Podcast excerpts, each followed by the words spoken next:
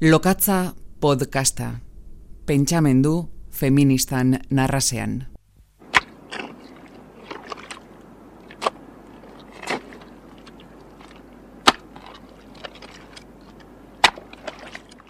Sua dago. Ezpata eskuetan daukat. Odol arrastoak aurpegian. Ilala biziko guda baten erdian nagoela dirudi. Mezu bakarra buruan. Daukazun horri eutxi eta biziraun. Beste bizitza bateko oihartzuna dirudi. Kanpoan, entxegu gelaren isiltasunean, sormen prozesuaren erdian, begira den koreografia. Batzuk konplize sentitzen ditut, beste batzuk aldiz aurrez aurre erail beharko nukeen etxaia izango balira bezala. Eutxui, hori da langile ona izatea. Etzaizula gustatu nola hitz egiten dizuten? Etzaizula gustatu horren espazio murritza sentitzea zure inguruan sor dezazun? Etzaizula gustatzen ondokoak bizkarra ematea, ignoratzea, hitz egiten duzunean interesgabe entzuna sentitzea zein porta dio, ez besterako? Lanaren alde egin behar da. Ez izorratu taldeko giro ona eutxi, ze ondo ulertzen dugun elkar horri, eutxi, kriston lan ona egiten ari gara horri, zein porta dio denak gehien eusten dakiena da profesionalena. Zer da ahotxori? Egia da dioena? Gehien eusten dakiena da profesionalena? Edo gehien eusten dakien emakumea da emakume guztien artean balio handiena duena? Guztietan guztiena. Eutxi, zoragarria zara baten trukean drogazalearen droga dosia jasoko duena bezala. Ordea, begiratu horiek, gizonezko izendatuak diren horiek, gehiengoak zergatik adierazi dezaken nahi beste, berdin dio zer, barrea, isiltasuna, garrasia, iritzia, txiste txar bat, hitza, hitza, hitza, hitza, infinitoraino. Nola sentitzen zara? Ardia otxoaren aurrean, beraz biktima, bai? Eta zer egiten dute biktimek? Ez dakit. Mendekua lortu, Eta orduan zer gertatzen da? Biktima hiltzaile bihurtzen dela? Hori da. Eta ardia otxo. Beraz, zu ere bazara otxoa, zuk ere eusten diozu ezpatari gudu zelaiaren erdian. Hala da, bai. Aurrean duzuna akabatuko zenuke? Erabat. Badakizu zer? aurrean duzun horrek badaki otxoa ere bazarela, bestela zergatik izango luke zure aurrean autoritatea ezartzeko beharra. Baina zuk oraindik ez duzu zure alde hori zure ganatu. Moralak irentxe egiten gaitu. Gizonezkoa da beti aurrean duzun hori. Gehienetan bai, baina beti ez. Aurreko horrek harremantzeko kodigo bati erantzuten dio. Aurrean duzun horrek zuere aurrez aurre bazaitu, agian zuk ere izango duzu sistema horretatik zer edo zer. Bai, Gerraren erdian zaude beraz, nekatuta nago. Ze lortu nahi duzu, irabaztea.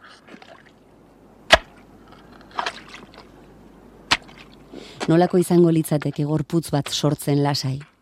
Lore bat barrutik kanpora zabaltzen denean bezala, ikusia izatearen beldurri gabe, mehatxuak sortzen duen tentsio hori gabe, halako eremuetan ere egin duzulan?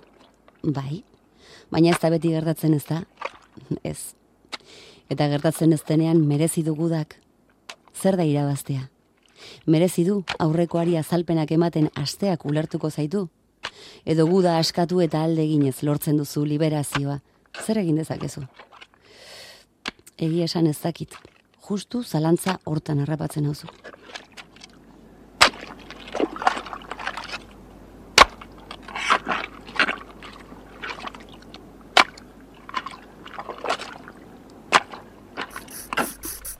Miren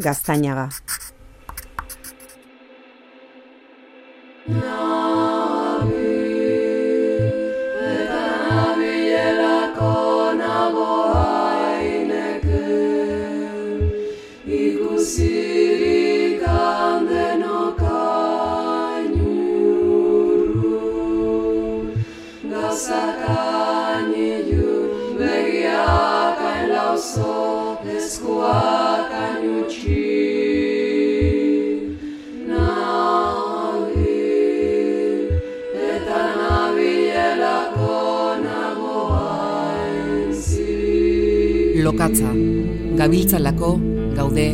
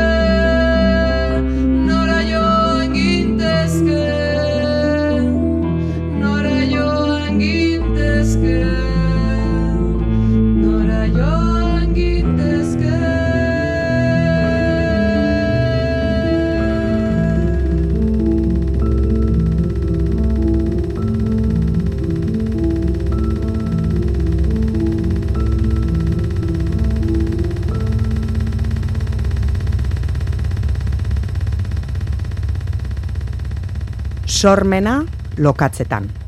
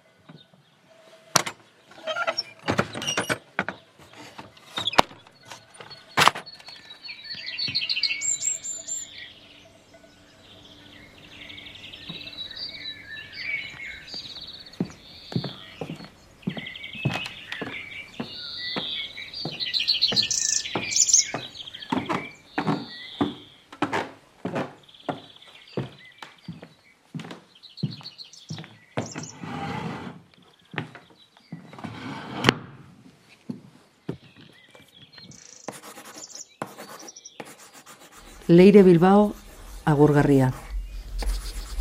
Gaitz da ezagutzen ez duzun eta ezagutzen ez zaituen inori lehen hitzak zuzentzea. Baina hemen aukazu. Zizareak dantzan esaldi hauek izkiriatzen. Zer da eta erotu egin naizelako.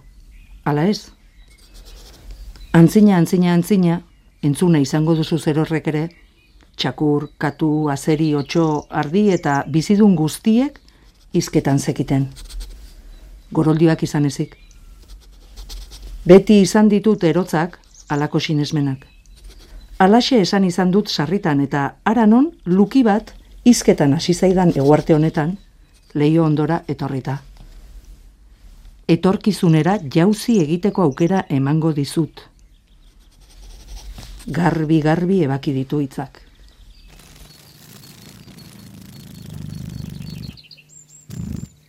Ba, sortzaile hitzak aditz batzuk ekartzen dizkit, ahora. Jaio, atera, loratu, asmatu, biztaratu eta eta landu.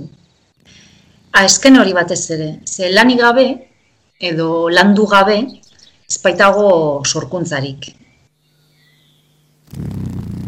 Pentsazazu zein egoeratan nagoen sorgin horratz bat sartu berri da nire logelara eta jaio, loratu, landu hitzak esan dizkidala iruditu zait. Hainbesteraino astoratu nau azeri andereak. Nor eta ni. Goroldio nahi ninduketenek azeritzat naukatena. Gizon askok baino eskola gehiago jaso dudalako. Jakinguraren apetei, uko egin ez diedalako e, sortzailea lehen historiko izan da denpora zuena, hau da beste baliabideak e, aseta zituena, e, jarrera kontemplatibo bat hartu zuen pentsatzeko, barrura begiratzeko eta sortzeko. Eta historikoki ba, gizonezkoen zat gordea izan da. Gaur egun, sorkuntza nola, ez dagoen e, ekonomikoki baloratua, ba, gero eta emakume gehiago agertzen gara, ez da? Eta hori ere bada beste, beste kontu bat. Ez dakit, ez dakit plaza irabazi dugun, edo plaza hori e, e, ja ez dena inkodiziatua, edo Haiene, zenbat aldiz ezoten nion galdetu neskatiletan orko errekastuari. Etorkizun diren emakumeek nire patu bera izango ote duten, edo beren barne munduari irteera emateko aukera eta denbora hartzea onartuko zaien, nire bizialdiko gizonei bezala. Bueno, e, nik ez daukate egunik, ez daukate ordurik, ez daukate errutinarik, zoritxarrez. Eta baina metafora hon hartzen badidazu uste dut, e, ba, buruan baditu dela nola baita esan bi errepide, bata da lanerako autopista, hau da asfaltatua dago, eh? eta egunerako kontuetarako balio dit. Antena doa, ba, gizarte honek inposatu dugun abiadura biziegi horretan, beraz lana, astelenetik ostiralera, ratxalderen bat ere bai, umeak ikastolatik jaso, erosketak egin, etxeko kontu domestikoak eta bar, baina E, zorionez, beste errepide bat, e, ere e, badaukat hor buruan, bigarren mailako errepide bat, eta mm, bide horretan agertzen zaizkit oreinak, agertzen zaizkit txoriak, agertzen zaizkit iaia zapaltzeko, e, zapaldu beharran dauden trikuak, ez? Eta hor, bide errepide horretan, bide horretan, hor geratu egin daiteke. Osa, pentsatzera, kontemplatzera, behiratzera, den beste denpora baten. Eta hor etortzen zaizki da ideiak.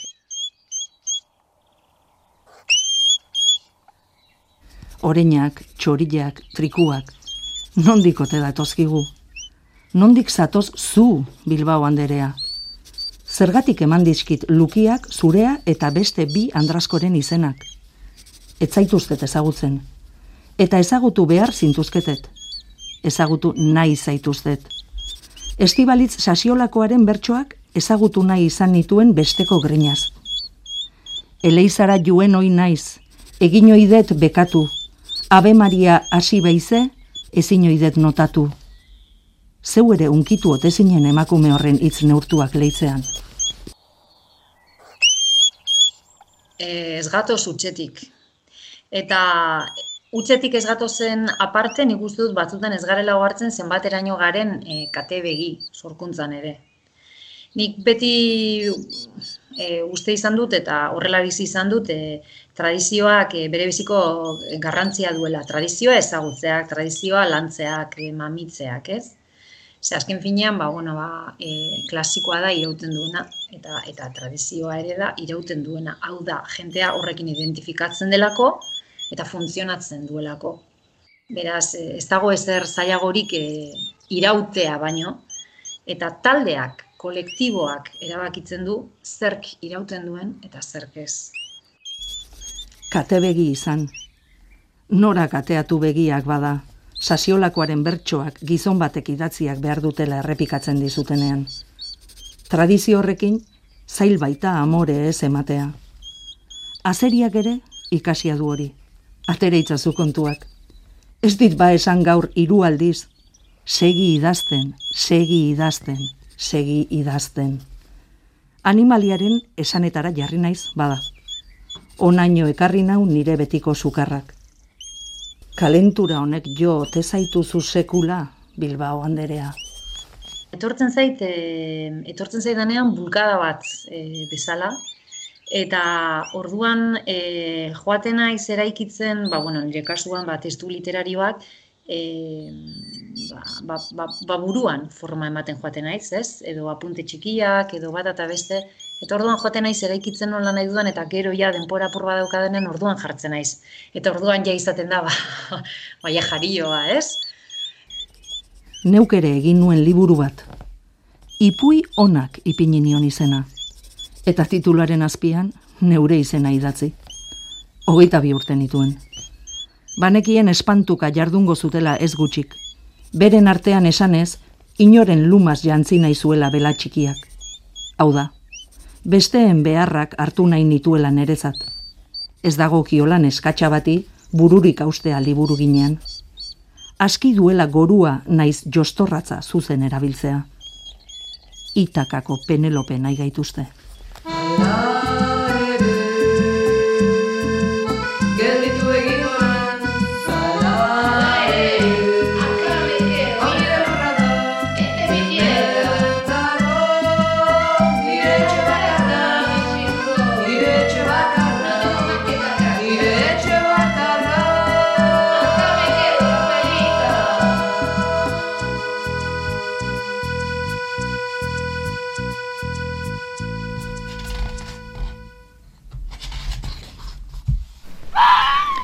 Nereak ez diren lurralde hauetatik ies egin nahi nuke. Nereak ez diren urrauek alde batera utzi egin behar ditut. Aitz sendoaren biribiltasunean nire bizitzaren hitza lortu nahi nuke. Biribiltasunean, sendotasunean, aitzaren gainean, A, E, I, O, U berri bat esan nahiko nuke. Amaia lasa.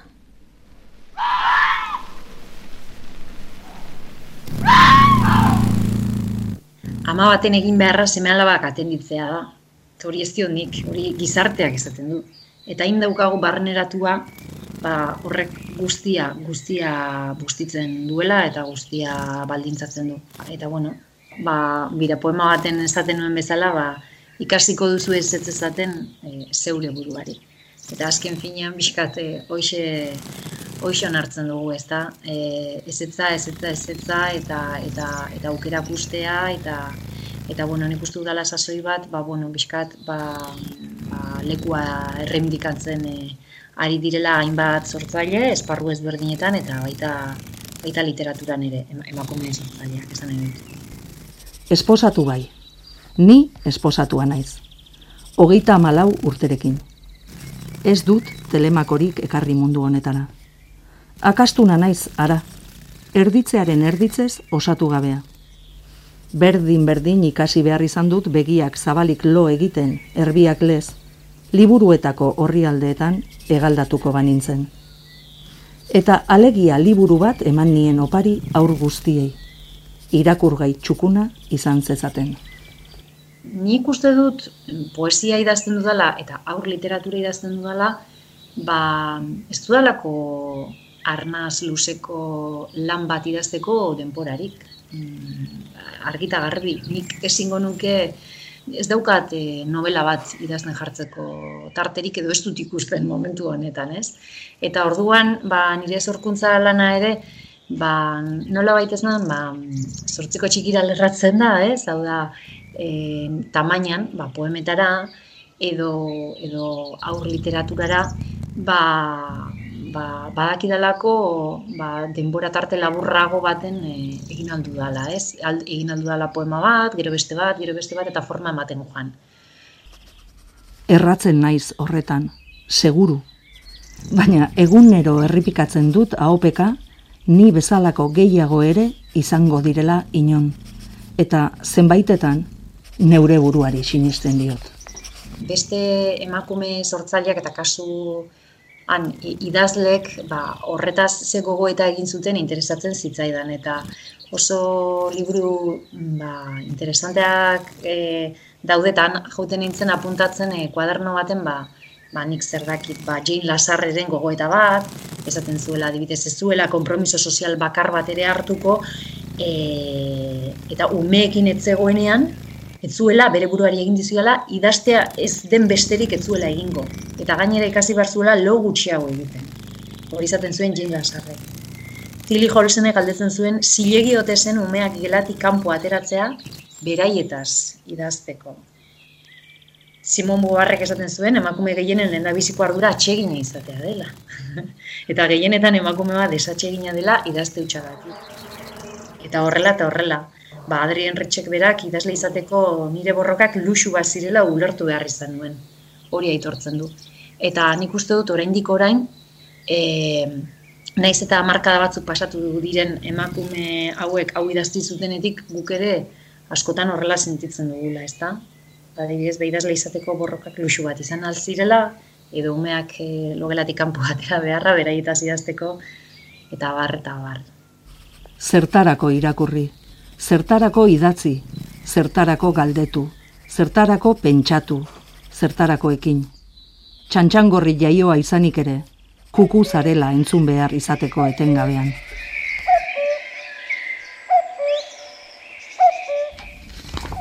Nire lira hartu eta esan nuen.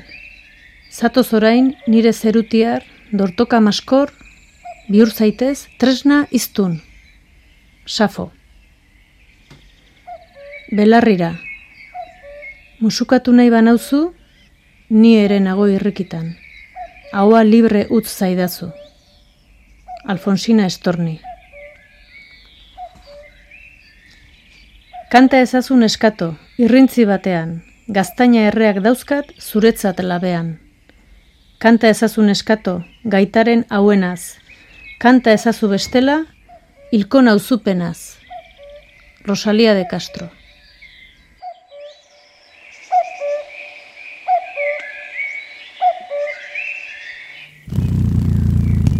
Nik uste dut nire lanek e, poesia lanek helduentzako lanek e, aur literaturan ez, baina helduentzako lanetan etiketa hori hasiatik eduki dela, baina arrotasunez dara mat.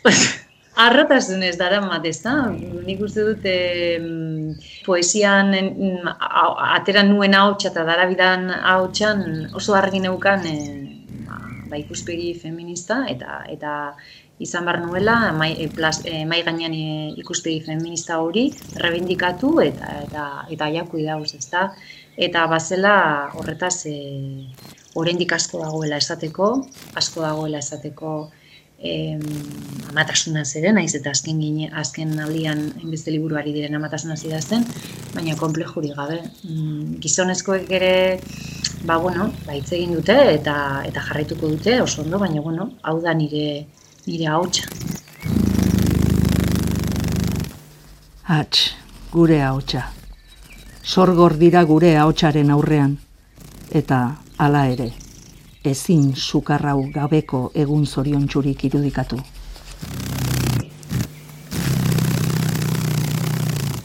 Lokatza, gabiltzalako gaude ainezikin.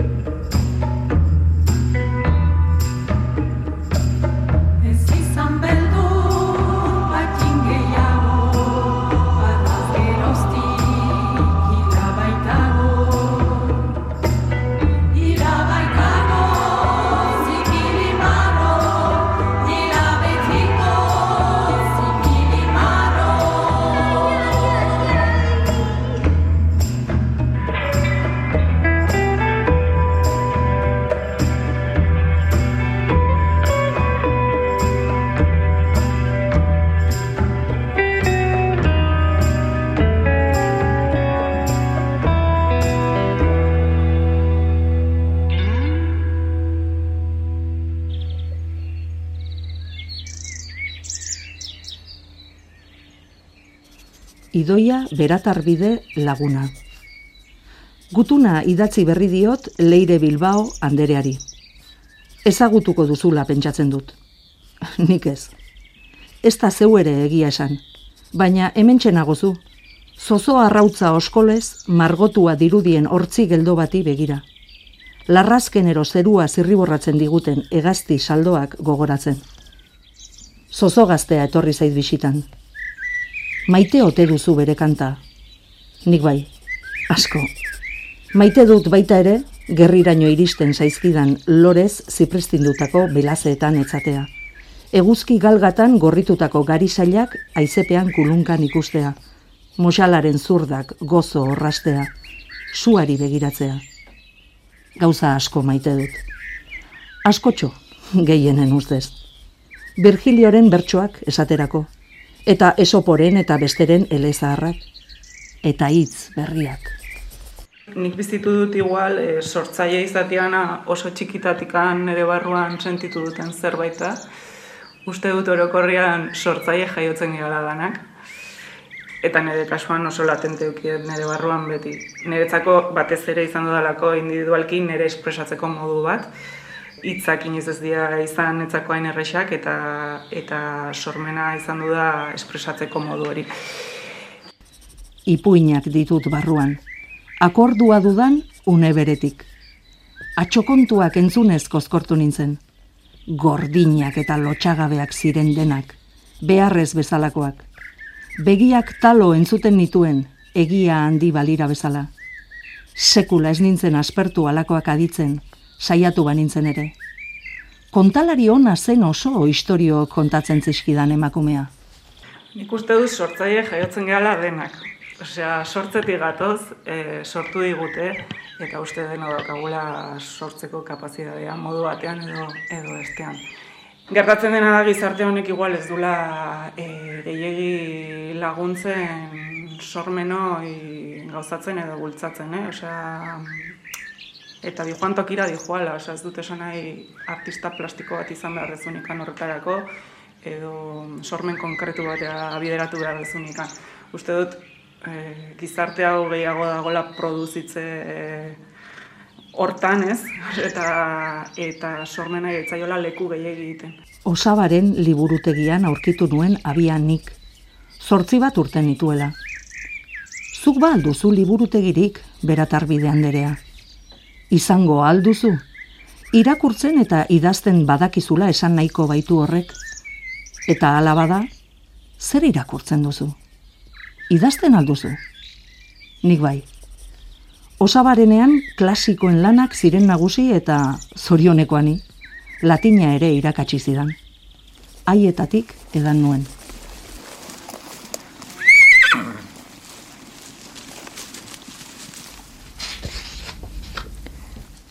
Gela bat norberarena. Kontu xume bati buruz iritzi bat ematea zen egin nezaken guztia. Literatura egingo badu, emakume batek dirua behar duela eta gela bat beretzat. Virginia Woolf. Gela bat norberarena. Gorrotoa ez da konpainia ona ez leku honetan. Ahantztura ez da solaskide aproposa baitegian. Eraikiko dut gela propio bat, zulo honen barruan, lastan nazazuen begiradez eta irribarrez. Ekine eizagirre. Leio bat. Aski dut leio bat, leio bat kontzientziari, begiradari eta isiltasunari so. Foruk farrozat.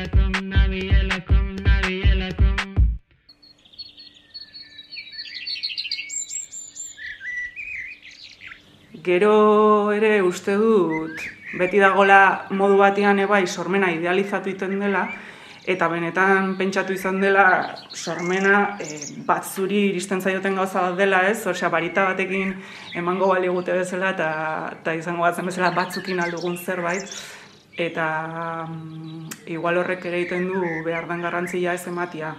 Baina, bueno, hori nik, ba, ezakit, irakasle bezala ere, bai aurrekin edo helduekin argita garbi ikusi dut e, landu daiteken zerbait dela eta egiten bazaude, egin egiten balima ezu eta horretan balima zaude edo zeinekin dezakeen zerbait dela. Edo zein emakumek ezin du nik egindakoa egin, ez zaitezela okertu. Ikasi izana sekula damutu izan etzaidan arren, xator bihurtu nahi izan dut inoiz. zulo sakon sakon bat egin eta jakingrinak ekarri dizkidan burua usteak barru barruan lurperatu alizateko. Etzako e, bakarrikan edo nire lan individuala itea sortzia da oso baruraka begiratzea eta bai e, nire momentuko e, pasentzazioak edo espresatzeko modu bat edukitzia.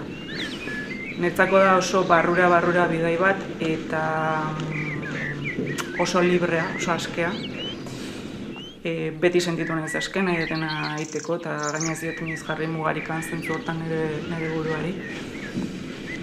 Gertatzen dena da, taldean sortzen dezunean, pues guk metro kuadrokan sortzen dugunean adibidez, e, aparte e, taldean sortzen dezula, disiplina ezberdinekin sortzen dezu, eta e, bidaia diferentia da, netzako diferentia da. Ze azkenean hor sartzen dira beste gauza batzuk, e, bakarrikan sortzen zodenean e, ez dituzunak kontutan eduki behar ez. Ja badagolako hasieratik konpartitze bat.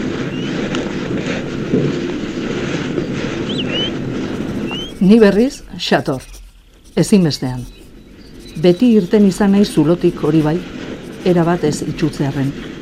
Aitzurkadak etortzitezkela jakinarren. Oso klaro eki behar dezu e, sormenak ze eskaintzen dizun aurre aiteko eta hortan egoteko eta lan egiteko. Nik uste dut azkenean funtsian ez dagolako onartuta kasi beste lanbide bat bezala ez. E, uste dela izan berko lukela e, onartutean berko lukeen zerbait hortik hasita igualia gauza asko e, aldatuko zian. Ados nahi zurekin, beratar bidean derea. Nik nire xatorzuloan segitzen dut. Ez dut baso usaina galdu, bilbon urte asko eginik ere. Horein bihurtzen naiz batzutan. Bareek, beldarrek, xomorroek, onjoek, astiro-astiro populatutako gorputz basa bat sentitzen naiz. Hortik idazten dizut oraintxe bertan hortik entzuten dut kilkerra kantuan. Nik uste dut, inoiz ez dioela jarri mugarik nire buruari, eta orduan e, individualki sortu detenean, edo sortzen detenean, e, ez dut sentitu e, emakume izateak ezertan baldintzatu nagoenik.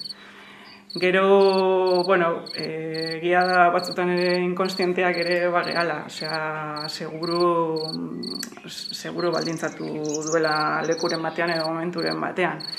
Baino, sortu detenian edo iten ditu denean gauzak nola beti lehenbizi niretzako den, ni nazen horretatik egiten dut eta eta egiten dut naizen horretatik, emokomen naizen horretatik egiten dut. Egia da, e, batzutan konturatzen zehala gauza dela zuk sortzen dezuna eta gero dela zuk sortzen dezun hori zen budotan sartzen duten eta nola erakusten duten, ez, kanpora begira. Eta batzutan e, egon du ba, bueno, bai, e, momentu ezakite sorosoak edo esango nuke, esaten duzuna, bueno, e, nik hau egin dut sortzaile bezala eta usten dut hau sortzaile bezala eskatu dia zuten lan bat dela eta de repente bueno, ez dakit, klasifikazio hori, ez? Osea, tratatze hori, zure lana emakumearen, emakume batek egin duen lana bezala tratatzea, eta ez sortzaile batek e, ingo balu bezala. Zozo oskolez margotutako zure zeruak ere, beraz, alegiazko paradisu bat besterik ez dira, neureak bezala? Ba, ilustratzaileak adibide bezala jartzegatik, eh, esango nuke euneko handiena emakumea gea, orokorrean sortzen gabiltzan, eh, eske uneko handi handi bat emakumea gea, eta gero azkenean plazaratzen dianak edo ezagutzen ditugun izenak gizonezkoenak dira. Eta, eta bueno, pues hori e, tristea, e, bazakit niko honetan hogei urte dara matzat, pues hogei urtetan, osea, hori ez dela gehiagi aldatu ikustia. Astala rosa zuri bat bidaltzen dizut opari, beratar bidean derea. Lurrintxuena aukeratu dizut. Zure margoekin magia egin eta usaindu aldezazun.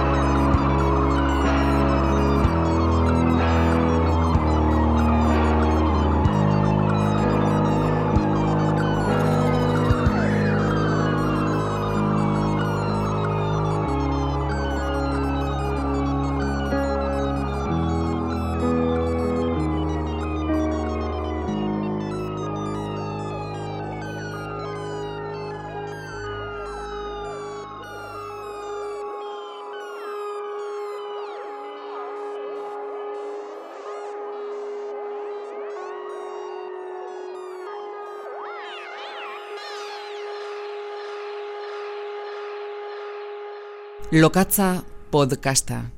Pentsamendu feministan narrasean.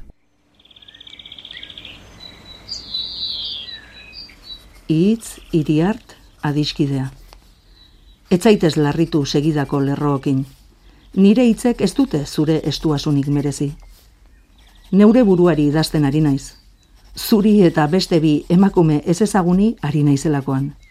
Inora ez doan gutunketa eldarniotsuan arrats estraino hau etorri bezala joango da laster, eta doala. Doa zela ere, izketan hasi zaizkidan azeria, sorginorratza, moxala, xatorra, pagoa, zozoa, kilkerra. Eta badator tximeleta berdantza bat, ezker esku pausatu zait. Egalikara batekin kuku egin eta ez alda erabat zoratzekoa, kantu ederrau entzunarazi dit.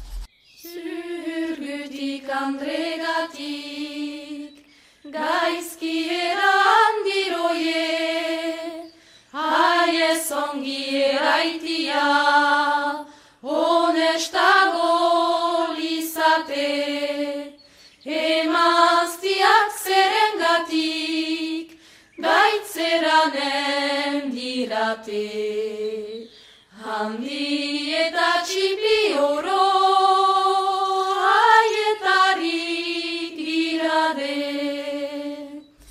zurea omen ahots horietarik bat hiri hartanderea. Ba ote. Emakume abeslari talde bateko kide omentzara. Amaren alabak izenekoa. Nolatan baina amaren. Eta ez aitaren, semearen eta espiritu santuaren.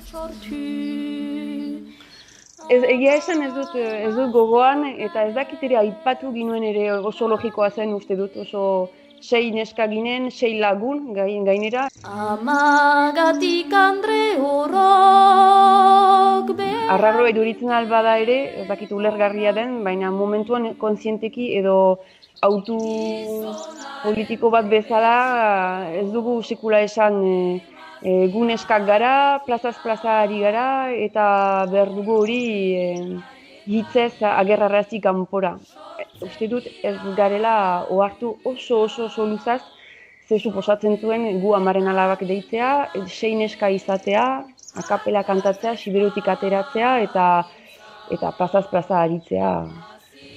E, uste dut gainera askatasun sentsazio bat e, kanporatzen ginuela ere, hala sentitzen baikinen.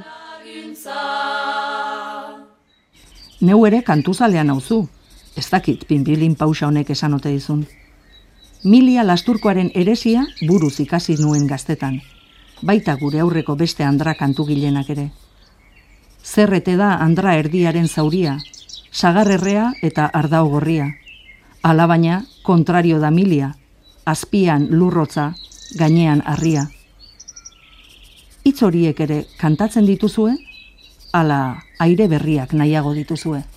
Guretzako kantu zaharrak eta aire berriak dira gure tradizioa. Egungo egunean bi horiek gureak dira. Beraz ez dugu sekula uztartu uztartu behar izan. Denak dira gure baitan. Tradizioa ulertzen dugula uste dut, hola, heldu zaizun kutsa bat, kentzen diozu tapa, begiratzen duzu zer daukazun e, kutsa horretan, e, kentzen duzu egokia etzaizun hori, ematen duzu edo sartzen duzu barruan e, faltan dagoen zerbait, Utsa hori isten duzu eta batzutan berriro irekitzen duzu eta zuzentzen duzu egin duzuna berriro esten duzu eta ondokoari pasatzen diozu kutsa hori eta ondokoak berriro egiten du goza berrina ez.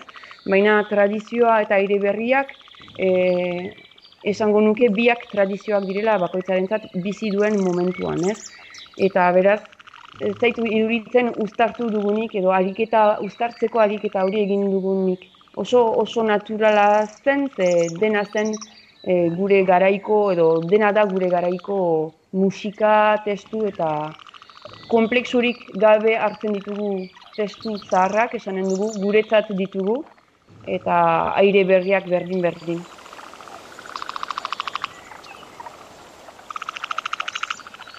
Barkatuko didazu arrokeria, adiskide ez ezagun hori. Baina neu ere sartzen alnaiz zuen kutsa horretan. Azaro sagar simur eskukada bat bidaliko dizuet. Argitaratuak ditudan gabon kantekin, konpota lurrintxu bat prestatu, eta bertan gorde dezazuen. Bidaliko dizuet, baita ere, kanta horien izen zehatza aurki ditzazuen. Euskaldun emakume batek ateria. Hala sinatu nituen, nire izenaren desagerpenaren atariko. Gero aldian ere, eza alda berdin izango. Gu hasi girenean amaren alabakekin, jadanik baginituen erreferentziak. Gu baino lehen, Siberuan tehenta taldea bazen, aira izpak ziren, New York ez ginduen zapaltzen ahal momentu horretan. Gero jakin behar da, narratiba faltsu baten barruan dagoela ere, emakumeak ez duela sekula kantatu, do plazan kantatu. E, oso interesgarria da, ikustea pixka bat azken e, berrogeita urteetan eta azkenan hartzen zira e, bai nire ama baita e, gure taldean dauden e, nesken amak zenbat pastoraletan parte hartu duten eta zenbat e, e, azkenean plaza horietan e, kolektiboki parte hartu duten kantuan edo hori pastoralean esaten duen bezala. Eta batzuk besteak baino gehiago, baina gure hemen hartan ere, badira eragile kulturalak badira, eta, eta kantuan e, aizen, aizen dira, gehienak dantzan ere, asko. Beraz, publikoki eta ofizialki izagunagoak izan dira gure aitak, baina gure amak ere beti izan dira dantzari eta kantari. Nola? Zuen denboran ere ez da emazteon sortzaile lanaren zinezko aitortzarik izango orduan?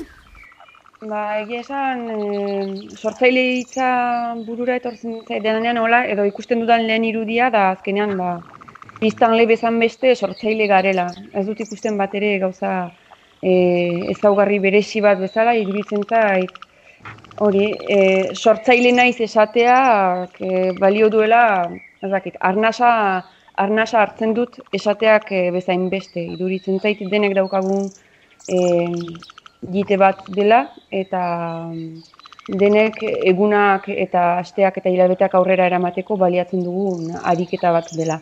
Agian bakoitzak badola helburu edo edo behar desberdin bat sortzeko, baina azkenean hori ez, e, sortzaile edo sormena baliatzen dugula edo zein momentutan bizian zehar. Eta ikusten dudanean jendea esaten sortzailea naiz, lehen erreakzioa da bai eta eta ni eta ondokoa eta eta beste guztiak. E, horregatik iduritzen zait e, sortzailea naiz edo hau sortzailea da edo bestea sortzailea da esateak hasi da esatea bezala ah, honek eh, jaten du egunerokoan edo honek arnasten du egunerokoan. Aditzen dut diozuna hiri hartan derea. Eta ez dakit erabat bat oten atorren zurekin. Hori uste dut e, kasik ezinezkoa dela hutsetik sortzea. Sortzaile hitza beraz justu ez dela, ez dela bat ere hutsetik ekartzea. Baizik eta eraikitzen dugula zerbait e, agian e, gauza berri bat edo garen hortatik, ez dakite aurreko egunetan entzun dugun musikatik, irak, gure irakurketetatik, edo bizi garen ingurumen hortatik, azkenean bakoitza bustita dagoela hortaz, bakoitza dara, bakoitzak dara mala bere, bere zakua, eta, eta sormena azkenean dela bagaren guzi horren kombinazio bat, ez? E, posibilitate desberdinak azkenean infinitoak izan daitezkenak, nik zurekin sortzen baldin badut edo nik jarekin sortzen badut azkenean e, ondorioa edo sortu den hori oso desberdina bilakatzen dela. Ara, entenditu dut. Baina nire lana gizon batek sinatu izan balu, ez litzateke hauzitan jarriko haren sortzeko gaitasuna. Eta nirea beti jarri dute osabaren, anaiaren eta senarrarenaren itzalpean ar horrek jaten dit niri barrena. Taldean lan egintzalea zarazu. Baliteke horrek eragina izatea zure ikuspegian. Egia da, gehiago taldean e, sortu dudala, baina taldean sortzeak ere osatzen du aurretik gisa batez e, zure lana eramaten duzula ere aitzinetik gestatzen duzula. Gero, jakinez, e, material hori oso malgua e, izan behar duela, ze taldea unkituko duelen, duenean eta taldeak hartuko duenean hori material gisa lanean hasteko, ba, posibilitate desberdinak onartu beharko dira, agian material hori ez da baliatuko, gazterrutziko da, agian hortik hasiko da eta guztiz beste bide bat hartuko du. E, horregatik e, material horrek malgua izan behar du, zuk ere malgua izan behar duzuz, besteen e, materiala onartzeko, besteek zure materiala onartzeko, eta hor hasten da azkenean niretzako kimika, ez? Kimika eta zure lan hori berezia bilakatzen duen hori edo neg negoziazioen e, tartea ere. Nireak baino garai eta giro xamurragoak egokitu zaizkitzu. Zinez, poste naiz zugatik. Egia da, adibidez, lehen urteetan amaren alabak ekin denean e, oso eskeak senditu bagira ere, Gero, iduriz, e, iritzi bat e, izaten hasten zarenean, e, edo ikuspegi orokor bat izaten hasten zarenean, orduan e, zabaltzen zirenean gehiago eta orduan ikusten dituzu pegak. Edo oraindik gehiago mugitu nahi zirenean, edo oraindik gehiago eskatzeko adinean zarenean, orduan ohartzen zara ez paretak pixka bat ertxiegiak direla. Eta ja da, beranduago, beranduago sentitu dudala, ez, e, emaztea izatearen alde, alde hori. Badakitari bidez iritzia, iduritzen zait, iritzi bat finkoa dudanean eta argian iretzat eta defendatu nahi dudanean, behin eta berriz defendatzen badut, ja bilakatzen naizela emakume hastiala. Igual e, gizon batek, ideia bat argia balin badu eta sendoa balin badu, bianketa, bianken gainean finko dagoela esaten da gizon horretaz eta haze segurua da, baina iduritzen zain ni birakatzen naizela hastiala. Ze behin eta berriro e, erakartzen dut, e, hartzen dut e, ideia edo iritzi hori eta sentitzen dena ba, hori, emakume hastial bat. Astiala. Bai hitz malgua hotxez eta latza edukiz. Neu ere, amaika aldiz sentitu naiz diozun puntu horretan. Antzes lan honen gidoia ez da inbeste aldatu azken batean. Eta tximeleta andereak diost, badakizula zerbait gidoiez, iaute jokaldiez, pastoralez. Azken horiei buruz luze idatzi omen duzu. Zein izan duzu abia puntua? E, urtero pastoraletik ateratzen nintzen, e, minarekin, minarekin ateratzen nintzen, minez e, hori pues, e, insultatua edo ireina, ireindua izan banintz bezala, nik eh, egungo egunen oraindik ez dut ulertzen nola e, pastorala bezain abstraktua den tresna bat, nola horren gutxi adibidez egokitu den e, emakumearen presentziari plaza gainean. Gizonen zaboteria guretako lantxehia, haiek egiten legia gualizaien nahia emazte zertako gizonez balio. Gure zen gaitikua gazari egilia, gizonen trufatia nahi libertatia. Sarerospen egiteko ez dugu egun ahalik, emazten eskubidia bat errespetaturik. E Eta azkenean ohartzen zira pastorala bera baino, azkenean pastorala egiten duen jendea dela ez e, jende horrek duela ez jakin egokitzen edo ez duela e, egokitu nahi izan. Eta gainera sinestarazi zaigu e, integratu gaituztela. Baina ohartzen naiz e, beti e, beti ere adibidez e, emakumeak e, sartu direla beti bigarren plano bat sortuz adibidez sekula leku zentrala utzita. Beti sortu dira e, erramientak edo tresnak, azkenean e, ez zedin kompetiziorik izan gune zentral hortan. Zena nahi dut, arriskurik ez da egon ere emakumeek plaza horiek aktualizateko.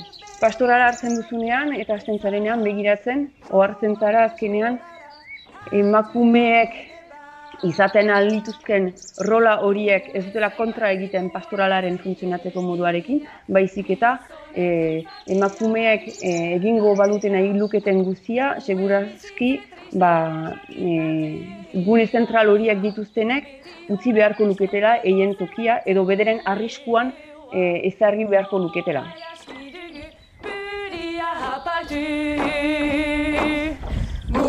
Zein gaitikua gazari egia, gizonen trufatia nahi libertatia. Tximeletaren egoak gardentzen hasi dira. Ez dit esan, baina badakit etorri bezala desagertuko dela. Egaikara bakarrarekin. Agortu da nire denbora. Gustura sartuko nizueke gutuna zalean eskuka bana belar ebaki berri. Horixe da nire gelako leiotik sartzen den usaina. Ezin, baina. Belarrak ez du jauzi egiten etorkizunera. Nire gogoak bai.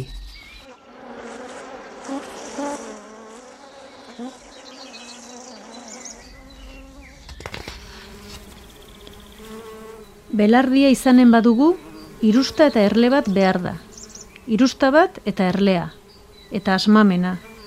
Baina erlerik ez badago, asmamenarekin aski da. Emily Dickinson.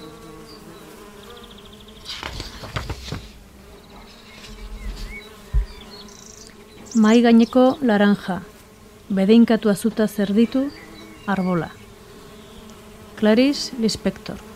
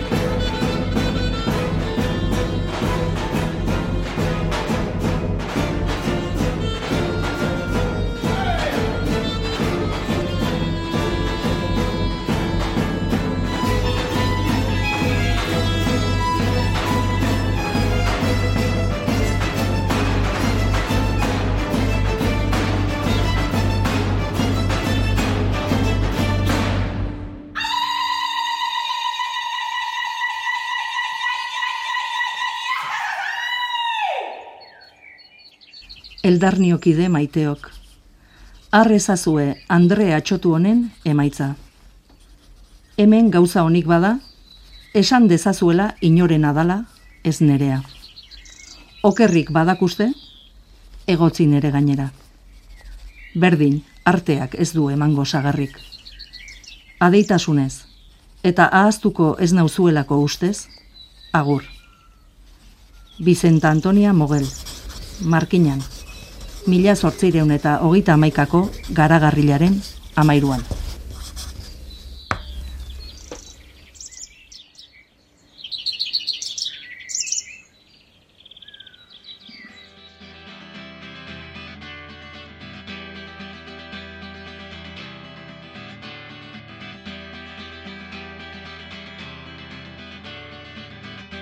Lokatza, gabiltzalako gaude ainezikin.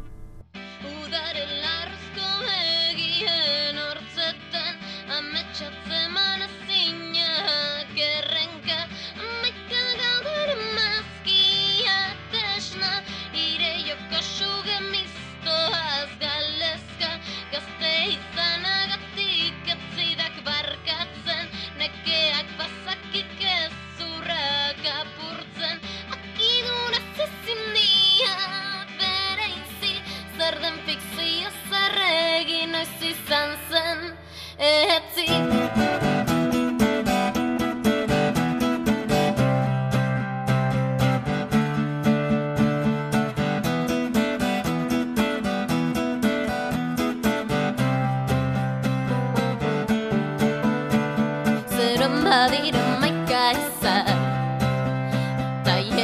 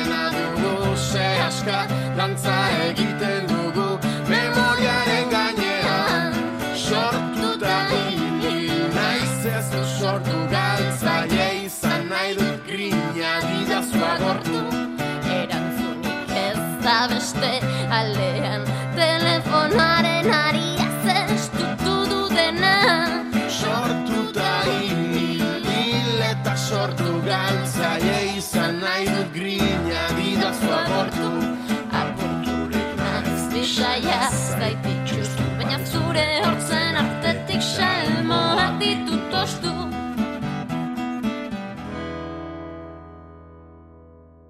Ai, gure joaneteak. Indartsuaren zari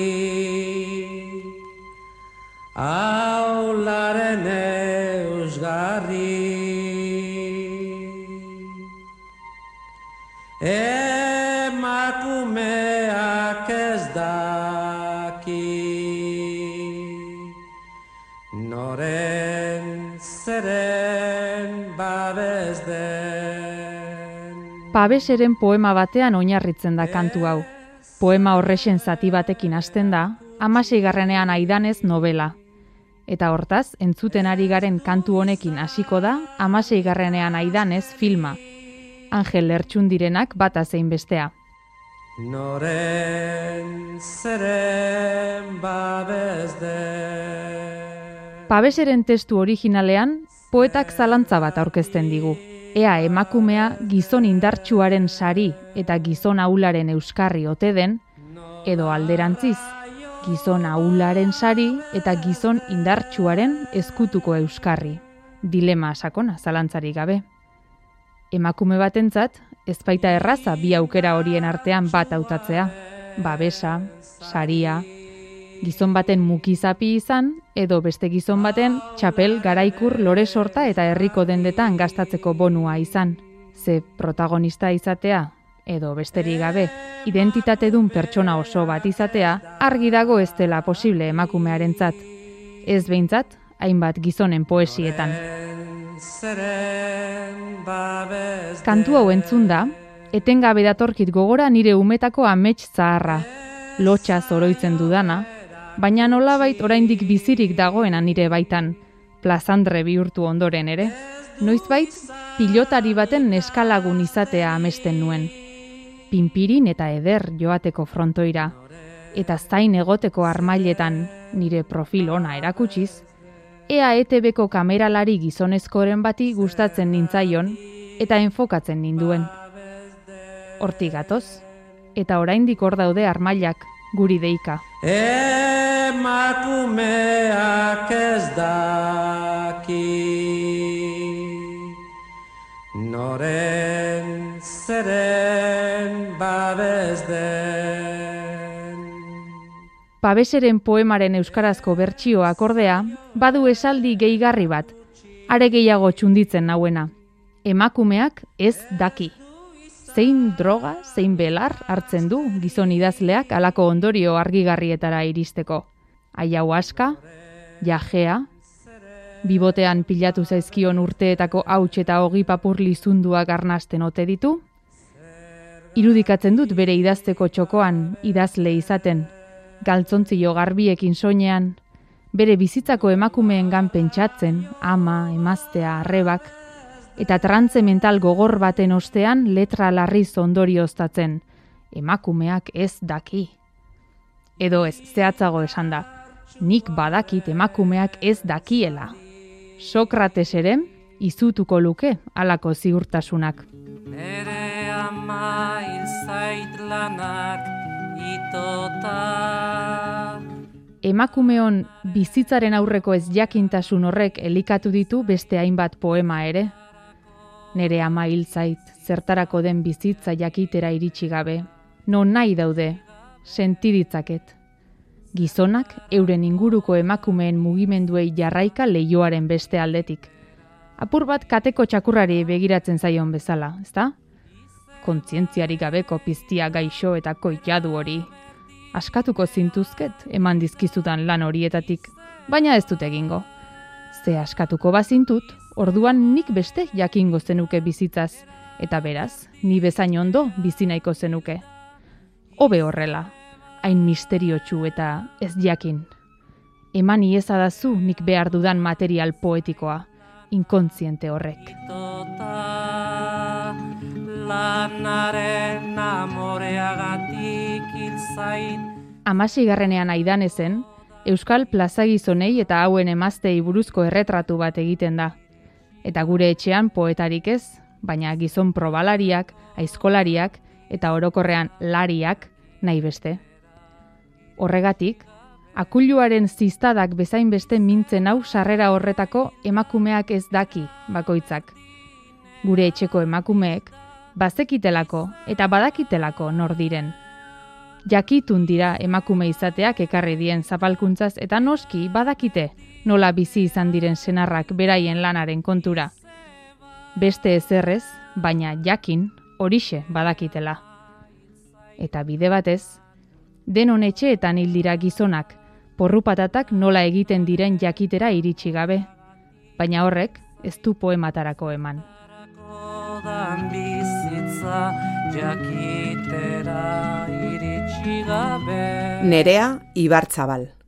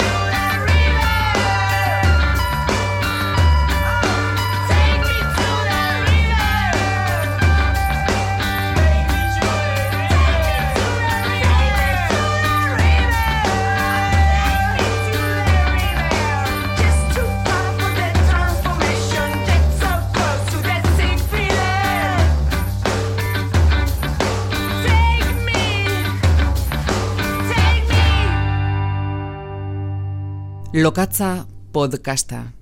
Pentsamendu feministan narrasean.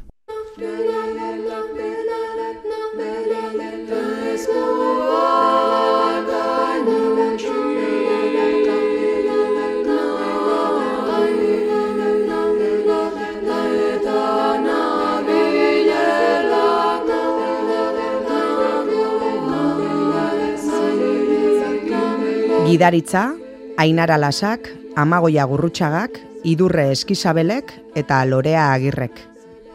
Sintonia, Mursegok. Lurde Siriondoren hala ere kantua birbisitatuz. Musika aukeraketa, Maider eta Leire Trikitilariek. Soinu gidaritza, Jose Alkainek. Esker bereziak, Eider Rodriguezi eta Asier Altunari eta Maite Larbururi Zela Trofke filmaren pasarteagatik. Jakin Fundazioak ekoiztutako podcasta. Zikin, zikin, zikin.